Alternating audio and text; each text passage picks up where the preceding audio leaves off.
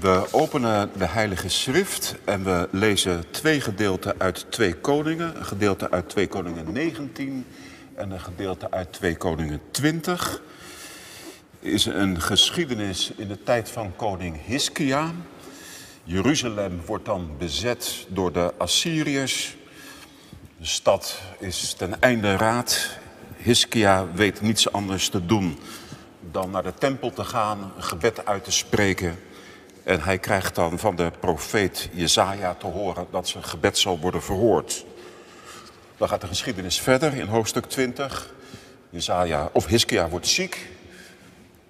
Wonderlijk wordt hij genezen. En dan vindt er opnieuw een confrontatie plaats. Gezantschap uit Babel komt. En dat loopt nogal teleurstellend af. We lezen eerst het gedeelte uit 2 Koningen 19 en dan gaan we naar 2 Koningen 20. Toen Hiskia de brief, dat is die van Sanherib, de Assyrische legeroverste, had gelezen, die de bode hem overhandigd hadden, ging hij naar de tempel van de Heer en legde de brief daar open voor hem neer. En hij bad tot de Heer, Heer, God van Israël, u die op de Gerub stroomt, u alleen bent God van alle koninkrijken op aarde. U hebt de hemel en de aarde gemaakt.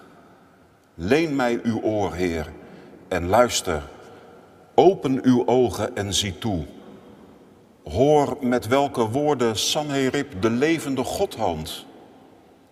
Het is waar, Heer, de koningen van Assyrië hebben andere volken en hun landen verwoest en hun goden aan het vuur prijsgegeven. Dat waren dan ook geen goden. Het waren slechts maaksels van mensenhanden, beelden van hout en steen die ze hebben vernietigd.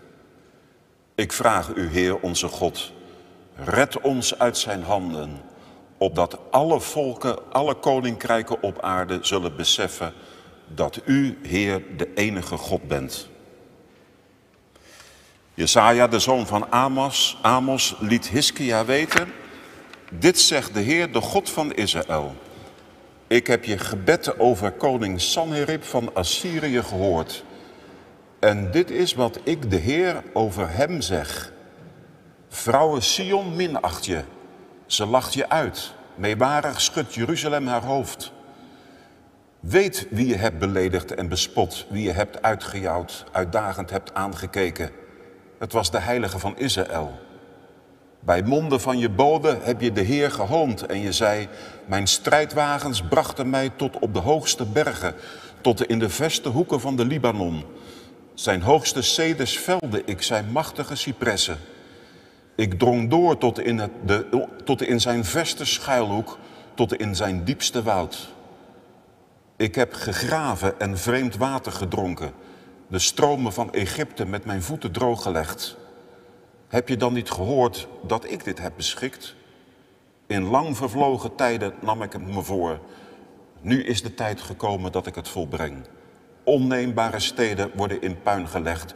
Hun inwoners staan machteloos en gloeien van schaamte. Ze zijn als jonge scheuten op de akker, prilgroen in de woestijn, tere sprietjes op het dak, verschroeid nog voor ze opgekomen zijn. Maar ik ken je. Ik ben op de hoogte van je doen en laten. Ik weet heel goed hoe je tekeer gaat tegen mij. Ik zie je zelfgenoegzaamheid. Je razernij is tot mijn oren doorgedrongen. Ik sla mijn haak door je neus en leg mijn bit in je mond en voer je op je schreden terug. Jou, Hiskia, kondig ik het volgende aan. Dit jaar zul je eten wat er na de oogst toevallig nog opkomt. Volgend jaar wat er vanzelf groeit. Maar het jaar daarna kun je zaaien en oogsten, wijngaarden planten en van de opbrengst eten. De Judeërs die ontkomen en het overleven, zullen wortels schieten en vrucht dragen. Want wie het overleven en ontkomen, zullen zich vanuit Jeruzalem, vanaf de Sion verspreiden. De Heer zal zich daarvoor beijveren. Daarom, dit zegt de Heer over de koning van Assyrië. Hij zal deze stad niet te nakomen. Hij zal er geen pijl op afschieten, geen schild tegen opheffen en geen wal tegen opwerpen. Hij zal op zijn schreden terugkeren en deze stad niet te nakomen, spreekt de Heer. Omwille van mijzelf en omwille van mijn dienaar David zal ik deze stad beschermen en haar bevrijden. Diezelfde nacht trok een engel van de Heer ten strijde en doodde in het kamp van de Assyriërs 185.000 man. De volgende ochtend zag men niets dan lijken liggen. Koning Sanherib van Assyrië brak het beleg op, keerde voorgoed terug naar zijn woonplaats Nineveh. Daar werd hij, terwijl hij neerknielde in de tempel van zijn god Nisroch, vermoord door Adramelech en Sarezer, die vervolgens naar Ararat wisten te ontkomen. Zijn zoon Haddon volgde hem op. In die tijd stuurde koning Biradan, Baladan van Babylonië, de zoon van Baladan, die had vernomen dat Hiskia ziek was, gezanten met brieven en een geschenk naar hem toe. Hiskia nam hun boodschap in ontvangst en liet hun al zijn schatkamers zien. Het zilver, het goud, het reukwerk, de, ook de kostbare oliën en ook zijn arsenaal. En alles wat zich in zijn magazijnen bevond. Er was niets in zijn paleis of in zijn rijk dat Hiskia hun niet liet zien. De profeet Jezaja ging naar koning Hiskia toe en vroeg hem, wat hebben deze mannen tegen u gezegd? Waar kwamen ze vandaan? Uit een ver land, antwoordde Hiskia, uit Babylonië. Wat hebben ze in uw paleis te zien gekregen, vroeg Jezaja. En Hiskia antwoordde, ze hebben alles gezien wat zich in mijn paleis bevindt. Er is niets in mijn magazijnen dat ik hen niet heb laten zien. Hierop zei Jezaja tegen Hiskia, luister naar wat de Heer te zeggen heeft. Het duurt niet lang of alles wat zich in uw paleis bevindt, alles wat uw voorouders tot nu toe hebben vergaard, zal naar Babel worden weggesleept. Er blijft niets van over, zegt de Heer. Ook een aantal van uw zonen, het geslacht dat u hebt verwekt, zal worden weggevoerd om dienst te doen in het paleis van de koning van Babylonië. Hiskia antwoordde, het is goed wat u namens de Heer tegen mij hebt gezegd. Want hij dacht bij zichzelf, dat betekent dat er zolang ik leef rust en vrede zal heersen. Tot zover de lezing uit de Heilige Schrift. Gemeente van onze Heer Jezus Christus. Wanneer wordt alles weer normaal? Het is een kind dat het aan haar moeder vraagt. Wat bedoel je normaal? Nou, dat jij papa en mama gewoon weer even in de klas kunnen komen kijken. Dat de mondkapjes af kunnen. Dat opa en oma ons een gewone knuffel kunnen geven. Dat we weer gewoon naar het zwembad kunnen. Wanneer wordt alles weer normaal? Ik kan me voorstellen, gemeente, dat een kind dat lang geleden bij die bezetting van Jeruzalem door de Assyriërs gevraagd heeft aan haar ouders. Kind heeft iets gemerkt van de bezetting. Er was minder te eten, minder te drinken. Kinderen konden de stad niet uit om buiten de stadsmuren te spelen. Kinderen hebben de spanning gevoeld. Misschien zijn er kinderen geweest die bang waren dat hun vader, die in militaire dienst was, zou omkomen bij de bezetting. Er zijn misschien kinderen geweest die gehoord hebben dat de profeet, dat de koning Hiskia naar de tempel gegaan is om te bidden. In gedachten kan je zomaar een kereltje of een meisje het aan haar ouders horen vragen, aan zijn ouders horen vragen. Wanneer wordt het weer normaal? Het is naar de zijkant van het nieuws geduwd, maar zouden er nog kinderen zijn in die vluchtelingenkampen, de Syrische eilanden, die dat aan hun ouders vragen? Wordt het nog een keer normaal? Zouden we ooit nog een keer een huis krijgen? Dan zouden we ooit nog een keer naar school kunnen. Of hebben de kinderen daar de moed en de hoop opgegeven? Toen de situatie in Jeruzalem uitzichtloos leek, toen is koning Hiskia naar de tempel gegaan om daar te bidden. Heer, God van Israël, u die op de Gerub stroomt, u alleen bent God. De God van alle koninkrijken der aarde. U hebt de hemel en de aarde gemaakt. Leen mij uw oor, luister, open uw ogen. Hoor met welke woorden Sanherib de levende God hoont. Ik vraag u, Heer onze God, red ons uit zijn handen, opdat alle koninkrijken der aarde weten dat u, Heer, de enige bent. Na dat gebed krijgt Hiskia de profeet op bezoek en Jezaja heeft een goed bericht voor de koning. Je gebed is verhoord. Het gaat weer normaal worden. Zo kan je toch de versen 29 en vervolg samenvatten. Jouw Hiskia kondig ik het volgende aan. Dit jaar zul je eten wat er na de oogst vanzelf opkomt. Volgend jaar wat er vanzelf groeit. Het jaar daarna kun je zaaien en oogsten, wijngaarden planten en van de opbrengst daarvan eten. Gewone leven, dat gaat weer terugkomen. Leven van zaaien, van oogsten, van kopen, van verkopen. Het duurt nog even. Je moet nu nog even tevreden zijn met datgene wat toevallig na de oogst opkomt. En volgend jaar is het ook nog een beetje minimaal. Oogsten wat vanzelf opkomt, maar daarna, daarna wordt het weer gewoon, normaal. U begrijpt dat zo'n bezetting van Jeruzalem zware economische gevolgen had. En de economie was toen natuurlijk nog een landbouweconomie. En de schade van de bezetting voor akkers, wijngaarden, boomgaarden moet groot zijn geweest. En dat is ook wat de Heere God Sanherib verwijt. De schade die hij toebracht aan de natuur, aan de schepping. De hoogste ceders van de Libanon velde hij en de machtige cipressen. Hij drong door tot in de verste schuilhoeken van het woud. Hij heeft de stromen van Egypte met zijn voet drooggelegd. Dat is allemaal bepaald geen compliment. De natuur, de bomen, de rivieren, de akkers, de wijngaarden, de waterbronnen.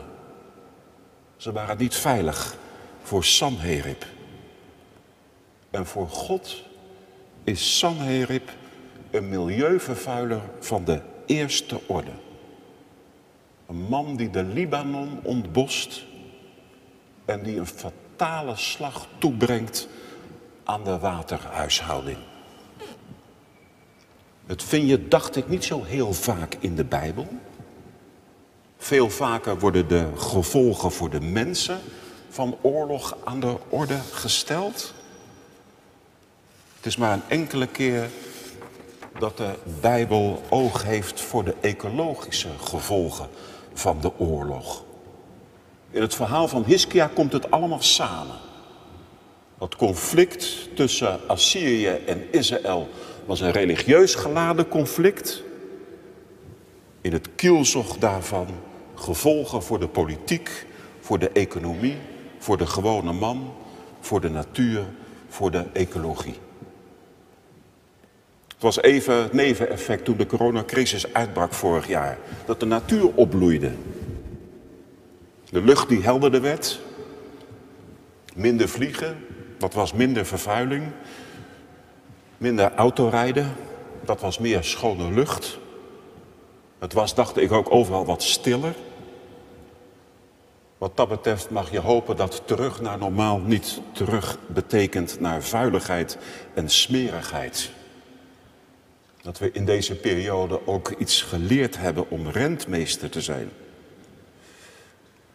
Ik zou denken eerherstel voor die klassieke deugd van de matigheid.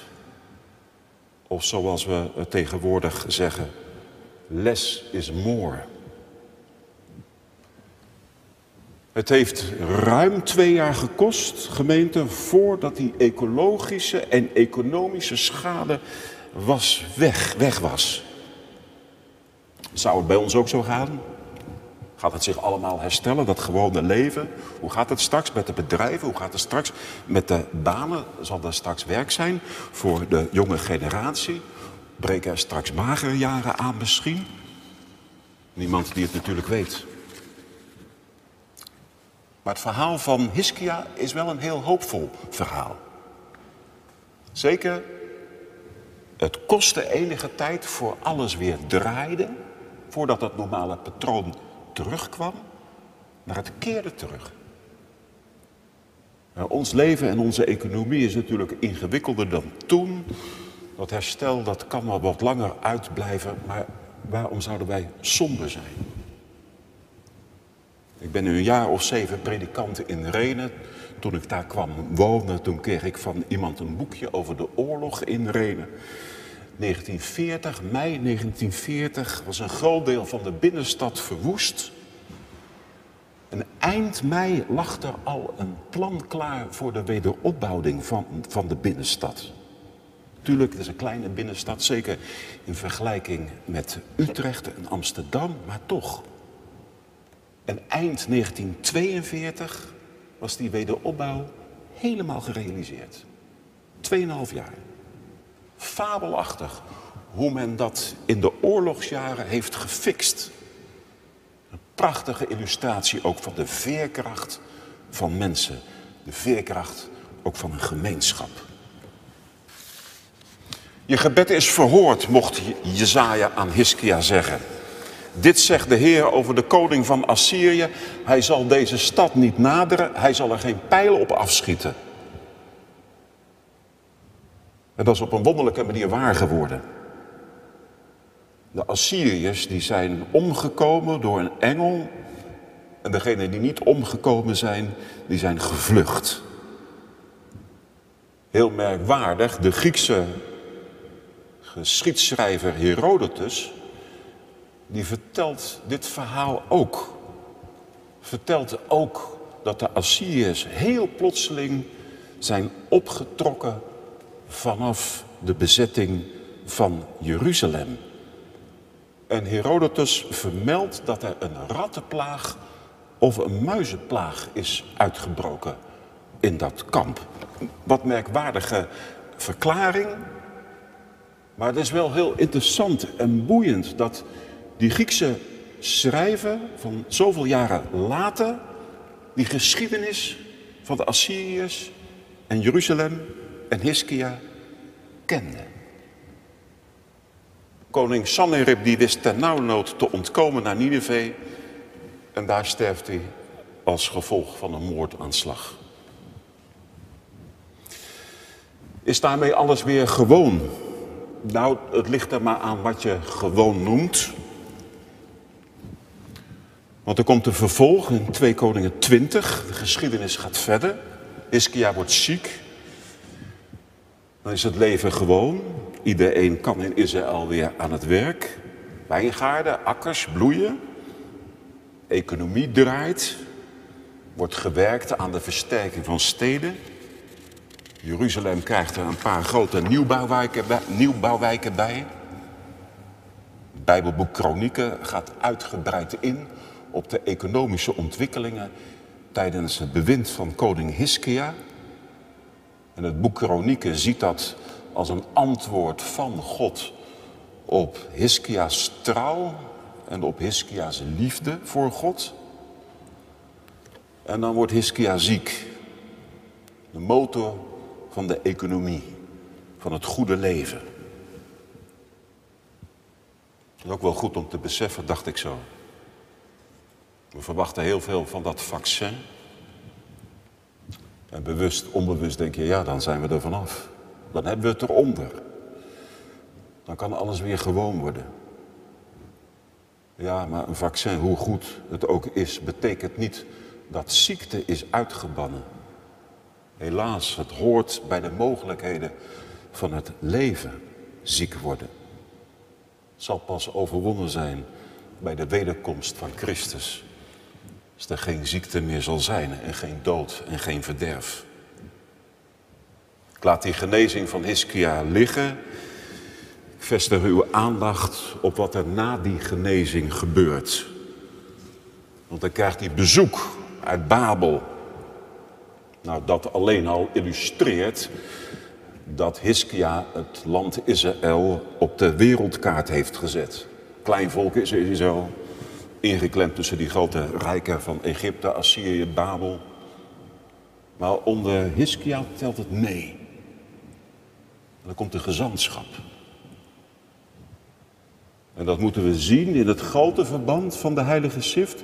De volkeren die zullen, zoals ook Psalm 68 en vele andere psalmen zeggen, de volken die zullen komen en optrekken naar Jeruzalem om daar te horen van de God van Israël. En dat was ook het doel van het gebed van Hiskia. Zo had Hiskia gebeden toen de stad bezet werd. Red ons opdat alle koninkrijken der wereld zullen beseffen dat u, Heer, de enige bent. En dat gebed is dan voor een deel verhoord. Dat gezantschap komt uit Babel om iets te horen van die bijzondere bevrijding van Jeruzalem. Om iets te horen van die bijzondere genezing van Hiskia. Ze zijn nieuwsgierig geworden. Wat is daar toch precies gebeurd? En wie zou de God van Israël zijn? grote verband van de Heilige Schrift gemeente, is dat bezoek van dat gezantschap uit Babel aan Hiskia een voorspel van het bezoek van de wijze uit het oosten aan het kind in de kribbe van Bethlehem. En hoe verloopt dat bezoek? Nou, Hiskia, hij laat dat gezelschap zijn rijkdom zien. Zijn goud, zijn zilver, zijn wapendepots. Depots. Zo trots als een pauw met twintig veren leidt de koning zijn hoge buitenlandse gasten rond in Jeruzalem en in het hele land. Als een kind zo blij dat hij meetelt onder de grootmachten. En in plaats van te getuigen van Gods bevrijdende handelen, in plaats van zijn gasten te vertellen van zijn genezing, in plaats van te spreken over de geestelijke rijkdommen die een God zijn, laat hij zijn bezit zien. En daarmee gemeente verzaakt de koning zijn roeping. Want die roeping van Israëls koningen was volgens de koningswet uit Deuteronomium 17 niet te veel goud, niet te veel zilver, niet te veel vrouwen, niet te veel wapens. Recht en gerechtigheid doen. De armen, de wezen en de vreemdeling nabij zijn. De koning van Israël die moest in zijn gedrag laten zien hoe God was. Dat is die roeping die wij delen met Israël een, een leesbare brief van Christus te zijn. De koning mocht niet te veel pretenties hebben. Zoals de gemeente niet te veel pretenties mag hebben. Koning die dient in plaats van heerst. Hij was geroepen om een voorafschaduwing te zijn van de Messias, van de komende Christus. Maar het lijkt voor Hiskia geen rol te spelen. Notabene, Hiskia is een van de vroomste koningen die Israël heeft gehad. Maar dat gevoel mee te tellen bij de grootte van de aarde, dat heerlijke gevoel ertoe te doen, mee te kunnen spreken met de machthebbers, met de elite. Het was zo sterk dat hij zijn roeping uit het oog verliest. Ja, en dan is alles weer gewoon. Buitengewoon kan je zelfs zeggen. Bloeiende economie, een staat die meetelt, een koning op het toppunt van zijn macht. Maar Hiskia is zijn roeping vergeten. Onder die abnormale omstandigheden van de bezetting, die abnormale omstandigheden van zijn, van zijn ziekte, was Hiskia meer bij zijn roeping dan onder de normale omstandigheden. Toen Jeruzalem bezet was, toen hij zelf ziek was, toen liet hij zien hoe de ware koning moet zijn. En als alles weer gewoon is van de buitenkant, laat hij zich imponeren door een paar hoge omen uit Babel. Nu sta ik toch op één lijn met. En hij vergeet dat dat nu juist niet de bedoeling was die God had met het koningschap in Israël. Misschien moet je het zo zeggen naar aanleiding van deze geschiedenis. In abnormale tijden, in tijden van tegenslag en moeite, krijgt onze roeping een wegwijzer naar Christus te zijn vaak meer kans dan in normale tijden. Natuurlijk, niemand verlangt naar moeilijkheden, naar crisis. Christen is geen masochist of zo. En met velen hoop ik dat er heel snel een eind komt aan deze abnormale tijd. Maar er is wel een kritische vraag. Wat gaan we straks doen als alles weer gewoon is? Gaan we dan inhalen wat we allemaal gemist hebben? Zal de gulzigheid ons dan in de greep krijgen? De apostel Jacobus begint zijn brief zo. Het moet u tot grote vreugde stemmen als u allerlei beproevingen ondergaat. Want u weet, wanneer uw geloof op de proef wordt gesteld, dat leidt tot standvastigheid. En als die standvastigheid daadwerkelijk blijft, zult u volmaakt en volkomen zijn, zonder enige tekortkoming. Ooit heeft iemand eens gezegd, zonder pijniging geen reiniging. Of zoals in de wereld van de topsport wordt gezegd, no pain, no gain. Amen.